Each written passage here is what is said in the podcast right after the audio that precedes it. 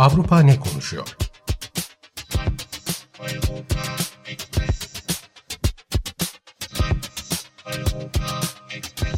Avrupa medyasından yorumlar.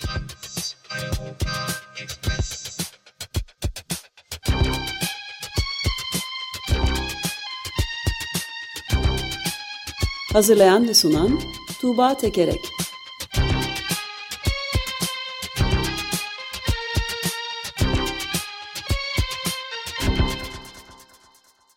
Günaydın Tuğba, merhabalar. Günaydın Ömer Bey. Bugün Özdeş yok. Beraber baş başa Avrupa ne konuşuyor diye sorarak başlayalım. Evet ama öyle alışmışım ki günaydın Ömer Bey ve günaydın Özdeş demeye e, orada olmasa da yine de günaydın Özdeş diyelim. Belki dinliyordur, evet, duyuyordur.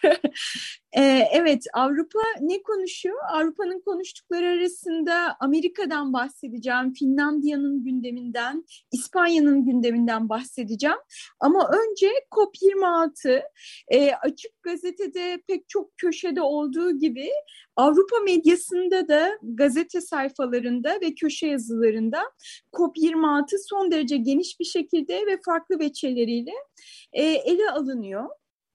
E, örneğin e, şeyle başlayalım. E, iklim zirvesi başlarken pazar günü Portekiz'deki Expresso gazetesi de Birleşmiş Milletler Genel Sekreteri Antonio Guterres'in bir çağrısını yayınladı mesela. Durumun hani e, ciddiyetini anlatmaya çalışıyor Guterres e, bir süredir e, şey e, sert kelimelerle. E, Portekiz gazetesi de bunu sayfalarına taşımıştı. E, ne diyor Guterres?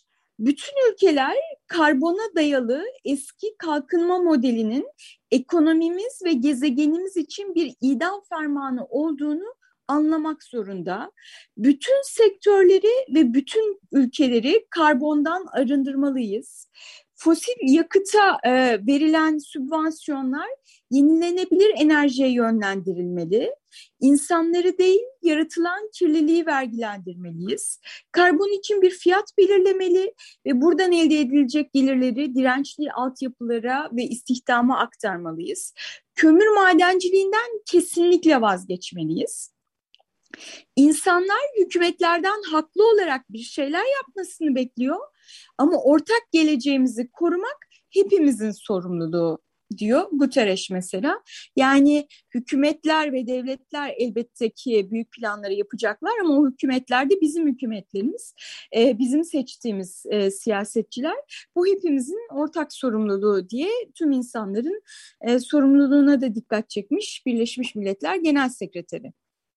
Evet, fosil yakıtların kazılmasına son verilmesi gerekliliğini çok aslında ilginç seçilmiş kelimelerle anlatıyor ve yani bunları kazarak kazmayı bırakmazsak kendi mezarımızı kazmayı da sürdüreceğiz anlamına geliyor.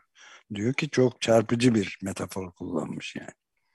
Evet, e, Hollanda'da e, De Volkskrant e, gazetesinden bir köşe yazarı da tüm bu tablo karşısında dünya siyasetinin tutumunu eleştiriyor. Bu e, dünya siyasetinin tutumunu şöyle bir benzetmeyle anlatmış. E, dünya siyasetçilerinin tavrını Hollandalı çiftçilerden biliyoruz. İklim korumaya ilişkin önlemler alınsın ama bizim gelirimiz azalmasın. Bu yüzden bu tavır nedeniyle de hiçbir şey yapılamıyor, yapılanlar da yetersiz kalıyor orman yangınları ve sel felaketlerinin günden güne artmasının nedenini artık herkes biliyor ama kabullenmek istemiyoruz. Çünkü bunun uzun vadeli sonuçlarını hayal bile edemiyoruz. Belki de herkesi uyandıracak bir felaket olmalı. Mesela New York'un sular altında kalması gibi. Yine de hala umut var ama işimiz yavaş yavaş mucizelere e, kalıyor demiş.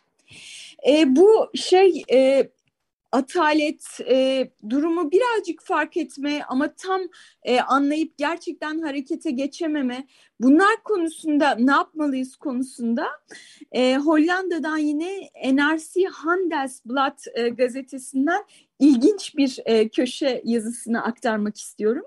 E, bir siyaset bilimci yazmış bu köşe yazısını Kiza Magende. Magende şöyle diyor. Fosilleşmiş kapitalist dünya düzeninin yönetici elitleri muhteşem sözleşmeler yazmak e, ama sonra bunları hiç utanmadan kendi yazdıklarına uymamak konusunda müthiş mahirler.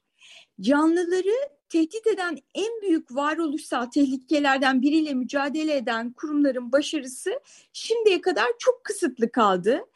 E o halde bu kurumların varlık nedenlerini tartışmak gerekmiyor mu?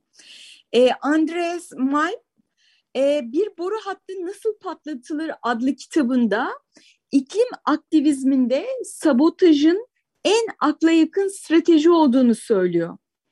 Andreas Malm de yani son derece ciddi bir önde gelen bilim insanı aslında. Evet, evet. How to Blow Up a Pipeline diye bir kitabı varmış. Son derece tartışmalı ve e, şey e, geniş şekilde okunan bir kitap. E, köşe yazarımız diyor ki fosil yakıt seçkinlerinin kulağının en iyi duyabileceği şey fosil yakıt varlıklarındaki bir patlamadır belki de diyor. E, insanları sarsmak, uyarmak için işte New York'u e, seller mi alsın yoksa böyle fosil yakıtlardaki bir patlama mı olsun? Köşe yazarları biraz da bunu tartışıyor. Evet yani son derece e, vahim durumun eşiğinde olduğumuzu mesela Hollanda'da yine ortaya atılan bir şeylerden bir tanesi Hollanda'dan bahsettin. Yani gayet net bir hesap var. 2000 çok uzak gibi görünebilir yüzyılın sonu. Ama e, yani şu anda doğmuş olan bir çocuğun da görmesi ihtimali epey yüksek. Yani 80 yaşında filan olacak.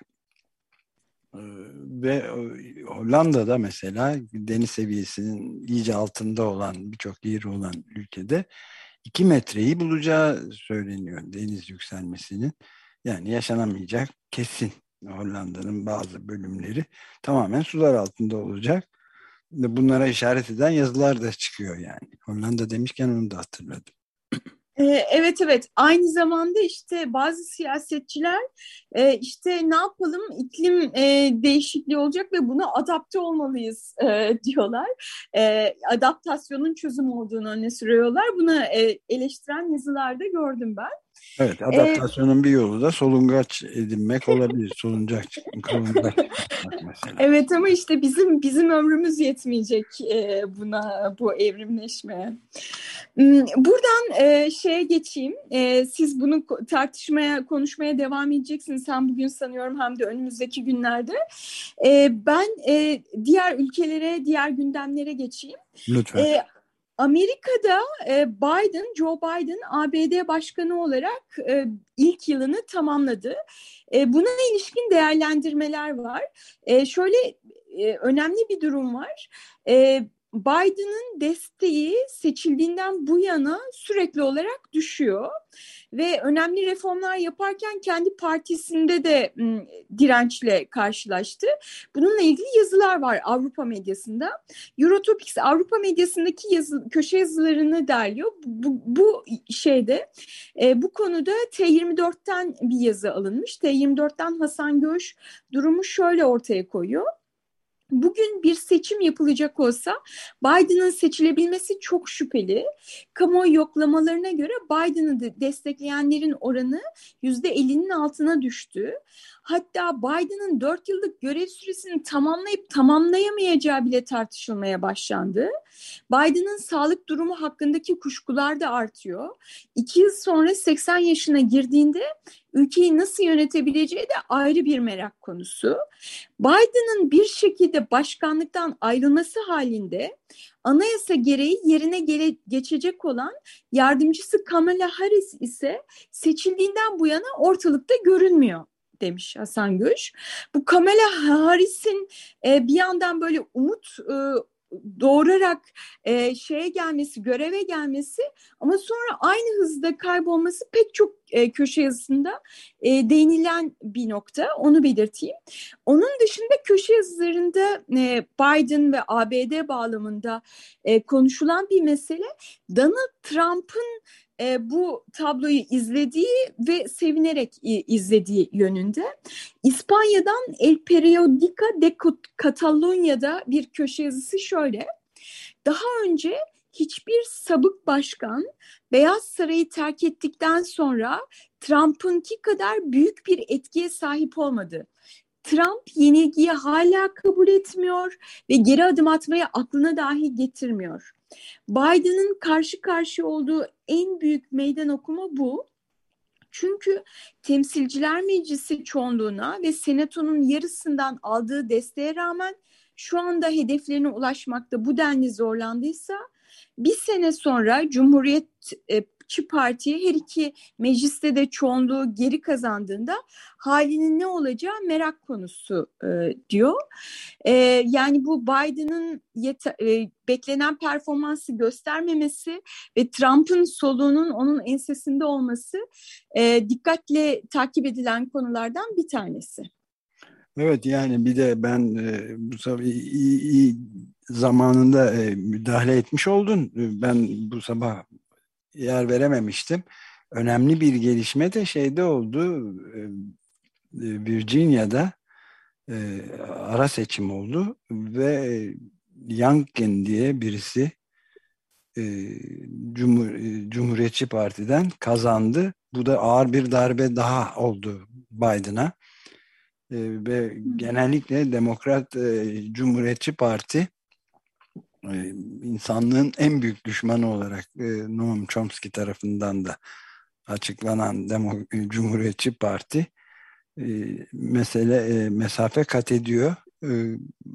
Trump meselesi de hakikaten geri geri, geleceğine dair yaşının da aynı şey kadar ileri olmasına rağmen işte Biden, Biden kadar, E, ama e, böyle bir hızla geliyor. Çok e, endişe verici başka gelişmeler de olmakta. Başka yerlerde de Cumhuriyetçiler kazanıyor durmada.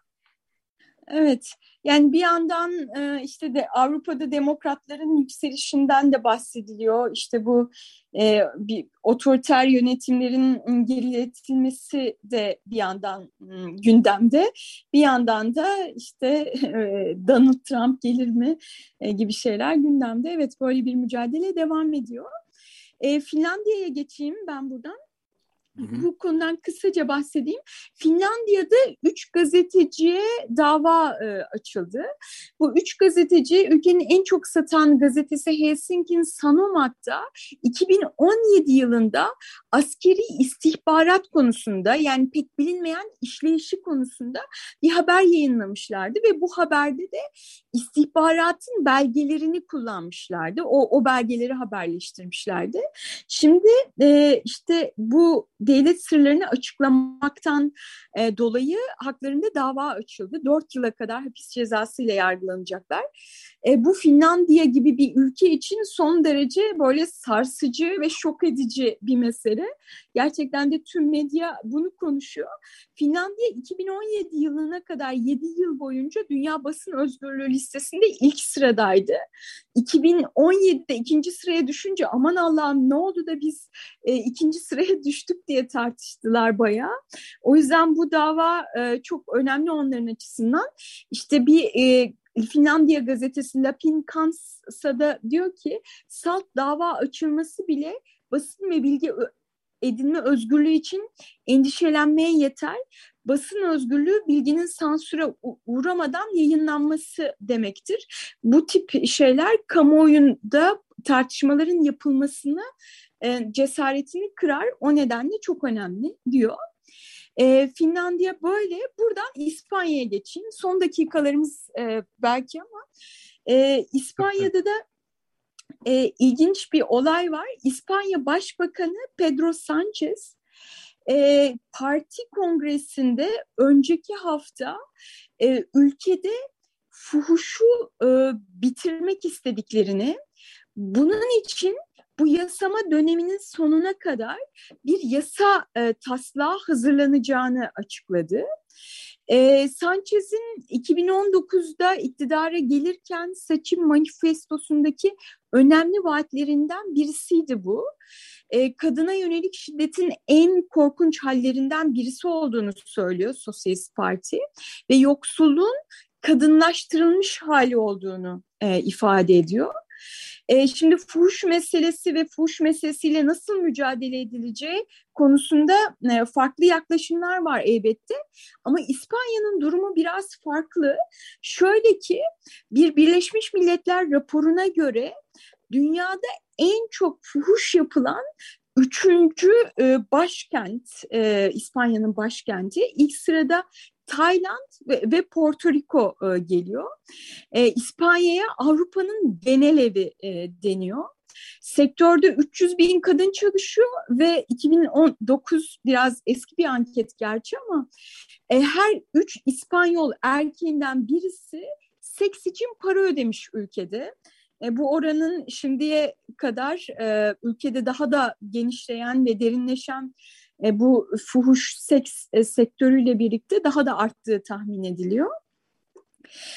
Bu e, İspanya'daki fuhuş meselesinin önemli bir boyutu da göçmenlik boyutu. Bundan 20 yıl evvel e, işte İspanya doğumlu olanlar e, e, bu e, sektörün içinde, tırnak içinde sektör diyelim. Ama 2000'ler itibariyle yüzde 98'inin işte Doğu Avrupa'dan gelenler, Latin Amerikalılar ve Afrika'dan e, gelenler olduğu söyleniyor. Yani böyle yoksulluk e, ve kadın meselesiyle e, çok da doğrudan bağlantılı e, bir şey. İşte tüm bu şeylerle, değerlendirmelerle birlikte e, Sosyalist Parti e, fuhuşu e, şey e, kriminalize etmeyi e, planlıyor. E, burada da yöntem olarak e, İskandinav ülkelerindeki yöntemin benimsenmesi konuşuluyor. Ne o yöntem? E, fuhuş yapan kadınlar değil de tırnak içinde bu hizmeti alan erkeklerin e, cezalandırılması, e, onlara bir e, ceza kesilmesi gündemde. E, bunu destekleyen e, ciddi bir kanat var. 2020'de 100 akademisyen, yazar, sanatçı e, bu konuda adım atılması için bir deklarasyon yayınlamışlar. Öte yandan şey diyenler de var yani bunun e, kriminalize edilmesi bunu yer altına eder, iter ve kadınlar çok daha kötü koşullarda çalışır diyenler var. Öte yandan işte yasal olduğu zaman sektör büyüyor ve işte mafyanın kurbanları artıyor. E, kadın bu insan ticaretinin bir parçası ve insan ticareti, kadınların ticareti e, yayılıyor, artıyor diyenler var. İspanya'dan da böyle bir e, tartışma aktarabilirim size. E, bir köşe yazısı e, söyleyeyim son olarak. Sosyalist İşçi Partisi Genel Sekreter Yardımcısı yazmış bir İspanya gazetesinde. Şöyle diyor, neyse ki kadınların ve kız çocuklarının alınıp satılmasının kovuşturulmasına karşı çıkanların sayısı fazla değil. Asıl tartışma fuhuş gönüllü bir faaliyet mi değil mi? Gönüllü bir faaliyet olduğu konusunda bir yanılgı söz konusu ee, ve esasen kadınların alınıp satılmasıyla fuhuş sektörünü e, ayrı tutmak mümkün değil. Adil bir toplum kız çocuklarının ve kadınlarının alın, kadınların alınıp satılmasına ve bedenlerinin saatlik olarak kiraya verilmesine asla izin veremez diyor. Evet, göçmen meselesine de son derece bağlı bir mesele. Çünkü göçmenlerin de fuhşa teşvik edildikleri ve zorlandıkları hatta konusunda çok sayıda e, analiz de çıkıyor. Geleneksel dünyanın en eski mesleği diye nitelendiriliyor. Yine işin başında para ve güç ilişkileri var. Evet aynı iklim meselesinde, iklim krizinde olduğu gibi Bolivya Başbakanı Arce de karbon sömürgeciliğiyle, kolonyalizmiyle iklim krizi çözülemez. Tümüyle kapitalizme alternatif bir modele gitmemiz gerektiğini de söyledi. Daha yeni. Hepsi birbirine bağlı işte. Bakalım ne olacak. Evet.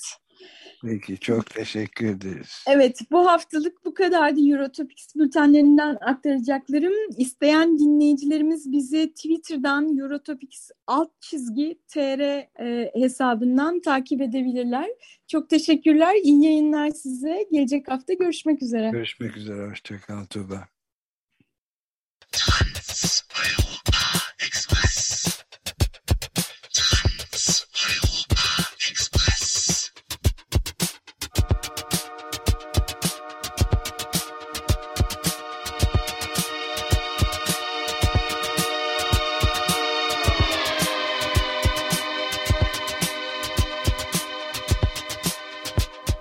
Avrupa ne konuşuyor?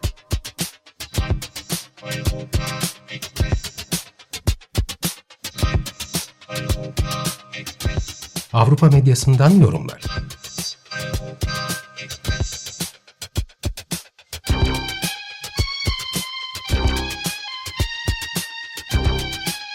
Hazırlayan ve sunan Tuğba Tekerek